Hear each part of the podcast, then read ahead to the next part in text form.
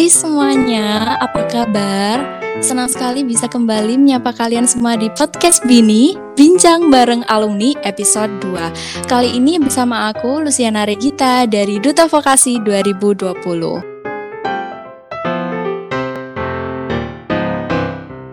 Nah, seperti biasa, kali ini kita kedatangan alumni kebanggaan Fakultas Vokasi Tercinta. Ada kakak cantik Kak Luna Novita Putri. Halo Kak Luna, apa kabar?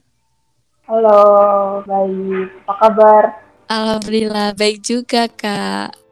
Karena tak kenal maka tak sayang, Kak Lu boleh banget teman-teman semua karena pastinya teman-teman pendengar podcast Bini pengen banget kenalan sama Kak Luna. Silahkan Kak. Halo semua, namaku Luna Nusa Putri dari Manajemen Perbankan Angkatan 2016. Selamat siang, halo. Halo, selamat siang juga Kak Luna. Oke, nah udah kenal semua ya teman-teman pendengar. Sekarang aku bakal ngasih tahu ke kalian seputar pengalaman selama Kak Luna menjadi mahasiswi Fakultas Vokasi Universitas Erlangga. Kak Luna adalah sekretaris dan juga BPH di Himpunan Mahasiswa Manajemen Perbankan, pernah menjadi staf LA Giro Bank 2018, kemudian staf Talk Show Vokasi Politik Esai 2017, staf Divisi Acara Ekonomi Olimpik 2017, dan masih banyak lagi. Wah, dari pengalamannya aja, Kak Luna ini benar-benar jadi mahasiswa yang aktif baik organisasi maupun akademiknya. Jadi penasaran nih Kak, apa sih alasan Kak Luna kenapa kok milih pendidikan vokasi dan apa keunggulan atau benefit dari memilih kuliah di vokasi UNER? Uh, jadi gini, dari awal tuh aku kan emang pengen masuk manajemen. Mm-hmm. Nah terus, nah terus akhirnya berhubung aku emang tinggal di Surabaya, SMA-nya di Surabaya, aku emang pengennya tuh kuliahnya di UNER. Nah terus aku kan daftar SBMPTN, nah itu tidak keterima. Akhirnya aku mulai cari tahu, soalnya aku tetap ingin kuliah di UNER kan. Eh nemu kalau vokasi itu buka pendaftaran. Akhirnya aku iseng-iseng cari tahu, terus lihat kan banyak prodi di sana. Berhubung aku pengen manajemen, akhirnya ada manajemen perbankan, manajemen pemasaran, sama manajemen manajemen perhotelan. Nah dari ketiga itu aku tertarik masuk manajemen perbankan akhirnya aku daftar tes di FEB tesnya. Terus alhamdulillah keterima gitu. Kenapa aku milih manajemen perbankan soalnya manajemen perbankan itu waktu aku cari tahu akreditasnya itu kebetulan A. Jadi menurutku kan kayak udah bagus gitu loh. Gitu oke wah. Jadi Kak Luna emang dari awal pengen banget di UNER tentunya di manajemen perbankan yang uh, pada saat itu akreditasinya udah bagus banget yaitu A Nah, meskipun Kak Luna ini punya kesibukan juga di organisasinya, Kak Luna juga mengikuti dual degree loh, teman-teman. Bener gak, Kak? Bener-bener. Nah, jadi Kak Luna ini double-double diploma degree manajemen perbankan Fakultas Vokasi Universitas Erlangga dan bachelor degree Accounting and Information System di ASEAN University. Ingat kan? Nah, buat Kak Luna gimana caranya biar dapat informasi seputar dua degree pada saat itu? Nah, kebetulan aku itu tahu informasi itu waktu deket-deket mau sidang di semester 6. Kan aku emang pengen banget terusin S1. Mm -hmm. Nah, setelah aku cari tahu, kayak di Indo itu buat ahli jenjang, itu tuh paling tepat tuh 2 tahun kan. Nah, di UNER itu pada saat itu kayak nawarin program ahli jenjang dual degree itu cuma makan waktu setahun dan itu di Taiwan. Nah akhirnya aku tertarik kan, terus aku datang ke seminarnya di vokasi. Aku datang, terus kayak menurutku menarik hanya dengan satu tahun aku bisa dapat dual degree dan itu dapat sarjana juga, dapat pengalaman baru juga di sekolah di luar negeri. Akhirnya aku tertarik terus daftar gitu. Aku tahu infonya itu di sharing dari dari bagian akademik itu nyaring di grup angkatan gitu tahu infonya. Oke, jadi gitu ya teman-teman. Uh, buat teman semuanya, yuk semangat terus buat gali informasi seputar seminar, program-program akademik dan juga beasiswa seperti Kak Luna ini. Nah, uh, seputar beasiswa nih Kak. Kak Luna mendapat beasiswa PPA Universitas Erlangga benar ya Kak? Iya benar-benar. Oke, nah gimana sih caranya Kak Luna kok bisa dapat beasiswa itu? Nah ini tuh kebetulan banget soalnya dulu tuh aku dapat UKT itu gelombang 4 kan. Nah aku tuh banding UKT banding UKT terus ditolak gitu. Aku kayak gimana caranya ya biar bisa ngurangin tuition fee gitu ngurangin UKT terus aku datang ke akademi ada kayak tempelan gitu di apa namanya jendelanya gitu. Nah itu aku baca kayak ada beasiswa PPA khusus mahasiswa UNER. Nah requirements-nya itu kayak IPK-nya tuh minimal tiga. Akhirnya aku coba iseng-iseng aja daftar ngumpulin semua berkas terus alhamdulillah keterima gitu. Dan aku kebetulan dapat beasiswanya itu dua semester jadi dua periode alhamdulillahnya wah alhamdulillah. Jadi berawal dari banding UKT yang gak keterima itu. Yeah. Kak Luna cari informasi juga. Aduh keren banget. Bahkan dua semester ya kak? Iya. Oke nah dari informasi sebelumnya juga uh, kenapa pada akhirnya Kak Luna memutuskan untuk mengikuti dual degree UNER dan Asia University? Nah uh, for your information teman-teman. Kak Luna ini meraih skill yang sempurna yaitu empat. Jadi gak tanggung-tanggung ya langsung empat loh teman-teman. Nah mungkin ada motivasi tersendiri gitu kak. Oh kenapa aku milih mau dual degree? Mm -hmm. itu ya karena itu tadi karena satu aku cuma butuh waktu setahun buat dapetin dual degree itu. Sedangkan di Indonesia itu kebanyakan kayak waktu tempuhnya tuh dua tahun dua setengah tahun bahkan ada yang tiga tahun gitu. Menurutku kayak buang-buang waktu buang-buang uang juga. Sedangkan kalau ikut dual degree ini tuh kayak ada kayak bantuan gitu loh dari UNER. Waktu tahunku ya aku nggak tahu sekarang. Waktu tahunku tuh ada kayak dapet uang saku gitu tiap semester terus untuk UKT-nya sendiri itu pun juga sama aja kayak di UNER. Jadi nggak mahal nggak mahal. Kayak alih jenjang kan yang lainnya biasanya kayak mahal banget gitu kan. Kalau di UNER tuh nggak dapat uang saku juga. Jadi ya menurutku ini kesempatan besar buat aku sendiri buat dapat pengalaman baru terus belajar hal-hal baru temu orang-orang baru dengan bahasa yang berbeda ya gitu menarik banget loh teman-teman. Jadi uh, Kak Luna ini bisa banget buat dijadiin inspirasi dan juga motivasi buat teman-teman yang punya tujuan searah sama Kak Luna. Nah, lalu sih jadi pengen tanya masalah waktu nih Kak. Nah, gimana time management Kak Luna yang waktu itu kan ikut dual degree juga dan harus membagi dengan organisasi juga itu gimana Kak? Hmm, kalau organisasi ya pinter-pinter aja sih ngatur waktu. Bagian aku kan ikut dual degree-nya tuh semester 6. Jadi itu kayak akhir periode dari organisasi itu. Nah, soalnya menurutku kalau belajar doang itu kayak nggak cukup gitu loh. Kayak kalian itu harus nambah pengalaman ikut-ikut organisasi. Bisa kok dengan apa kalau ikut organisasi tapi nilainya tetap bagus tuh bisa banget jadi nggak usah khawatir kalau ikut organisasi bisa nilai jelek itu enggak itu malah justru nambah pengalaman nambah teman-teman baru terus dengan banyaknya event-event gitu kalian kayak tahu caranya bikin sebuah event tuh gimana berorganisasi tuh gimana itu bermanfaat banget sih menurutku buat nanti kalau misalnya lulus terus kerja itu bakal berguna banget soalnya kalau belajar teori-teori doang tapi nggak punya skill berorganisasi itu kayak cuma gitu loh gitu. Oke, jadi gitu ya teman-teman. Kita harus memanfaatkan waktu sebaik-banyaknya ya Kak Luna ya. Dan ya nggak usah khawatir gitu buat nambah pengalaman antara skill organisasi sama akademik juga seimbang ya kak ya. Oke, selain itu teman-teman, Kak Luna uh, sedang menyelesaikan pendidikan S2 di Isho University di Taiwan, program International Master of Business Administration. Nah, pertanyaan Lucy, apa yang menjadi motivasi Kak Luna?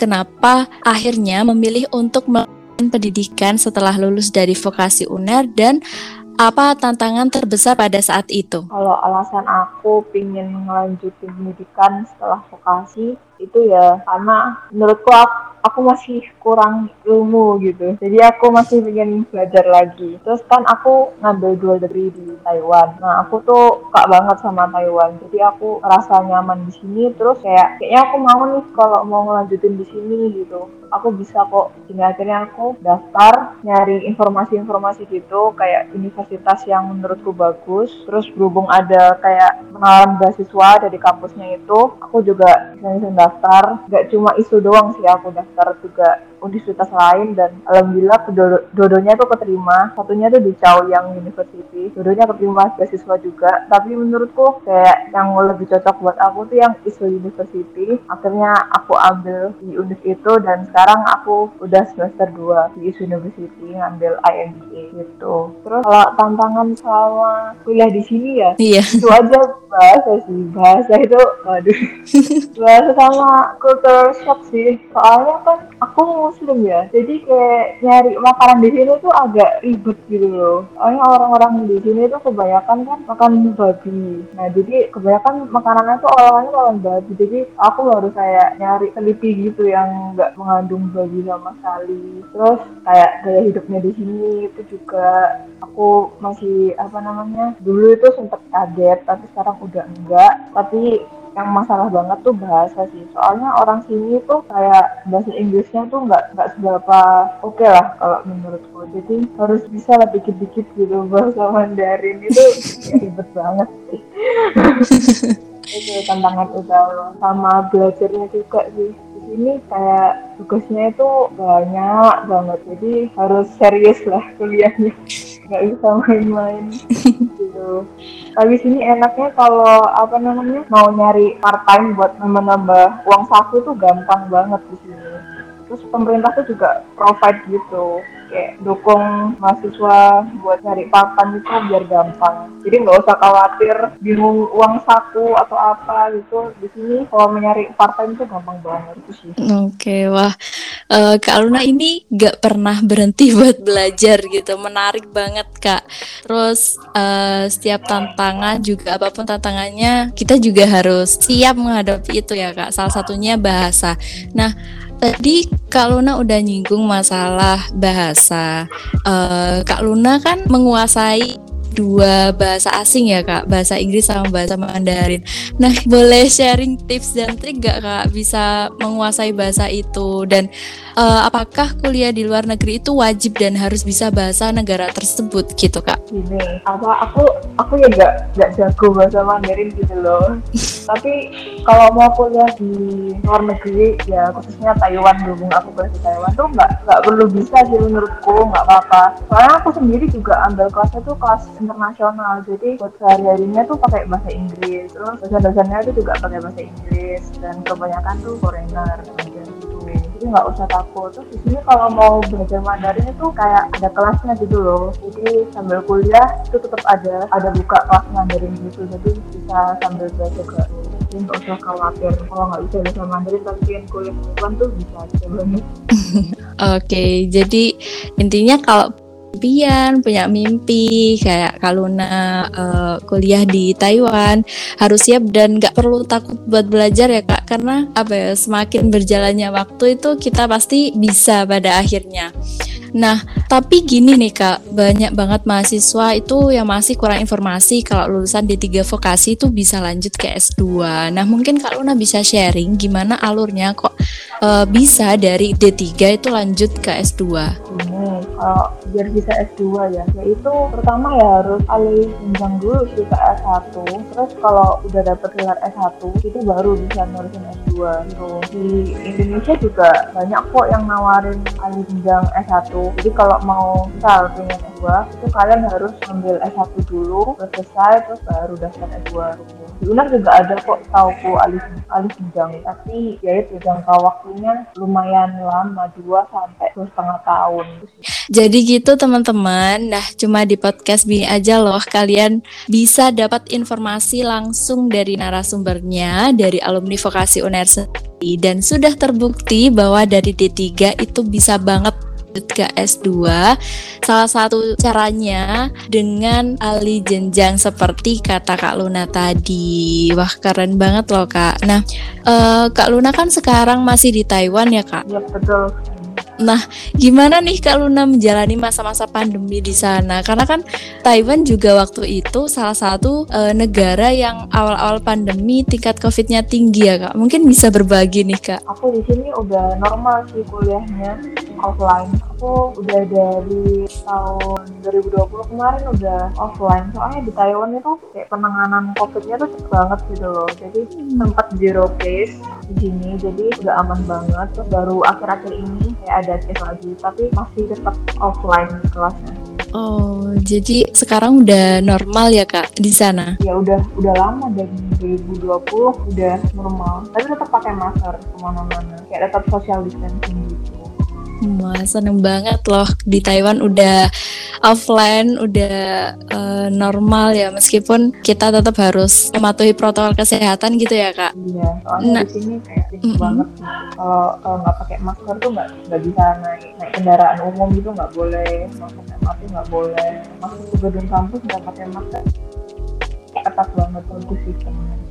Oke, nah Kak Luna, uh, Lucy jadi pengen tanya, apa pengalaman menyenangkan dan men gitu selama kuliah di Taiwan? Menyenangkannya kalau dari awal aku datang ke sini tuh ya kan bareng-bareng aku ke sini sama anak-anak uner juga ya itu kayak senang banget sih bisa ke lingkungan baru tapi tetap sama teman-teman meskipun sedikit temennya tapi kita bisa ngerasain rasanya buat kuliah di tempat baru. Apalagi itu di luar negeri bukan beda kota lagi. Nah aku kan juga dulu tuh emang asli Surabaya kan. Jadi aku nggak ngekos. Nah ini kayak pengalaman baru banget menurutku. Kayak aku harus belajar buat mandiri apa sendiri gitu. Terus apa namanya senangnya lagi juga dapat teman-teman baru sih dari banyak negara ini. Terutama dulu tuh banyak kayak anak dari Mongolia dari Thailand. Tuh banyak banget masuk ke kampusku yang dulu. Nambah pengalaman nambah teman terus kayak saya bisa jalan-jalan sih. Iya soalnya tempatnya kan bagus jadi senang aja bisa jalan-jalan juga. Terus ya bisa belajar bahasa ya meskipun susah ya tapi kan ya nggak apa-apa nambah-nambah pengetahuan. Terus nggak enaknya itu ya itu makanan sih makanan. Terus sama orang-orangnya tuh kadang kayak di sini tuh agak individualisme gitu loh. Jadi kayak cuek gitu. Jadi kalau mau punya temen orang lokal tuh agak susah sih sebenarnya di sini. Ya itu itu aja sih kayaknya kalau sedihnya kok sama kangen Indonesia sih. Cepet balik kak iya kan jauh ya kayak susah uh -uh. gitu pulang walaupun libur kayak nggak bisa pulang cuma bisa video call keluarga gitu terus covid ini semakin nggak bisa pulang. Iya bener banget malah masih mending di Taiwan kak. Masih bisa offline. Kalau di sini kita masih online semua kak Luna. Oh iya ya ya lama banget ya Indonesia ya. Online aku lihat. Apa nggak bosan gitu? Banget iya pas. mm -mm. Uh, kalau dari ceritanya Kak Luna tadi cerita menariknya aku jadi pengen banget ke Taiwan nih. Nah ya, nah kalau cerita sedihnya itu uh, perjuangan banget ya kak hidup di luar negeri apalagi masalah makanan terus jauh, jauh dari keluarga juga gitu. Nomor satu keluarga soalnya aku kan nggak pernah hidup sendiri terus kayak tiba-tiba hidup sendiri dan di luar negeri gitu kayak kaget banget sih sangat um, tapi untungnya berangkatnya sama teman-teman jadi agak nggak kerasa ya tapi kan sekarang kayak semuanya udah udah kembali ke Indonesia jadi ya kerasa banget sih sekarang waktu S2 ini. Oke, okay. nah teman-teman dari pengalaman-pengalaman Kak Luna tadi mungkin bisa banget dijadikan pertimbangan dan tentunya lebih banyak keuntungan juga bisa melanjutkan pendidikan di luar negeri seperti kata Kak Luna tadi dapat relasi, dapat pengalaman juga. Oh iya, sebelum ditutup nih Kak, eh, apa pesan dari Kak Luna untuk mahasiswa khususnya vokasi UNER agar kita tetap bersemangat gitu, bisa punya motivasi buat melanjutkan pendidikan sampai ke jenjang S2 atau bahkan nanti bisa ke S3 gitu. Pesannya dari aku, nah, kalau kalau kuliah jangan kuliah doang, ikut aja organisasi-organisasi di kampus atau di luar kampus, kayak soalnya menurutku kayak organisasi itu penting nggak cuma teori doang gitu. Kayak cuma kalian pinter-pinter belajar tapi giliran nanti kerja kan banyak gitu loh. Kayak kerjaan yang disuruh buat kalian berdiskusi sama staff-staff lain. Nah, kalian kalau nggak pernah organisasi itu ntar pasti kayak tanggung gitu. Kayak nggak ngerti harus ngapain. Jadi kayak organisasi itu penting banget. Tapi kuliah juga penting. Jangan organisasi terus. Kuliahnya jangan lupa. Soalnya kalau keduanya nggak seimbang itu juga nggak baik gitu loh. Kalau kebanyakan organisasi juga nggak baik. Kebanyakan belajar juga jangan gitu. Terus jangan sedih mas masuk D3 soalnya kebanyakan kan orang ngiranya kayak buangan gitu. Padahal enggak. D3 tuh bagus loh. Kalian kan lebih belajar ke praktek gitu. Lebih unggul lah seharusnya. Iya bener banget kak. daripada yang belajar teori-teori doang kan kita belajar prakteknya gitu. Tapi di lapangannya langsung jadi menurutku saya tuh unggul. Jadi jangan merasa rendah oke terima kasih pesannya Kak Luna. Dan gak terasa udah banyak banget informasi dan juga pengalaman dari Kak Luna di podcast kali ini. Nah kesimpulannya adalah lulusan ataupun alumni vokasi Universitas Erlangga juga melanjutkan pendidikan sampai S2 atau bahkan sampai S3. Nah, buktinya apa sih?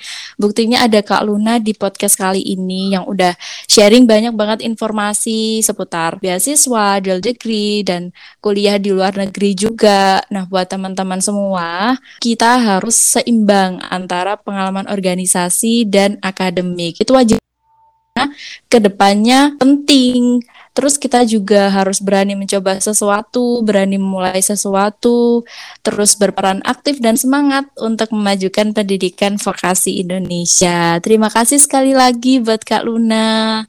Uh, ya, sama-sama. Iya. Sudah bersama ya meluangkan waktunya buat ngobrol bareng di podcast Bini dari BEM Vokasi Unar episode kali ini. Nah, terima kasih juga buat teman-teman yang nyari podcast ini. Jangan lupa like and share-nya ya, biar banyak informasi yang tersebar dan bisa menjadi motivasi. Oke, aku ada pantun nih. Siang hari dengerin suara Lucy, ngobrol bareng Kak Luna, seru banget sih.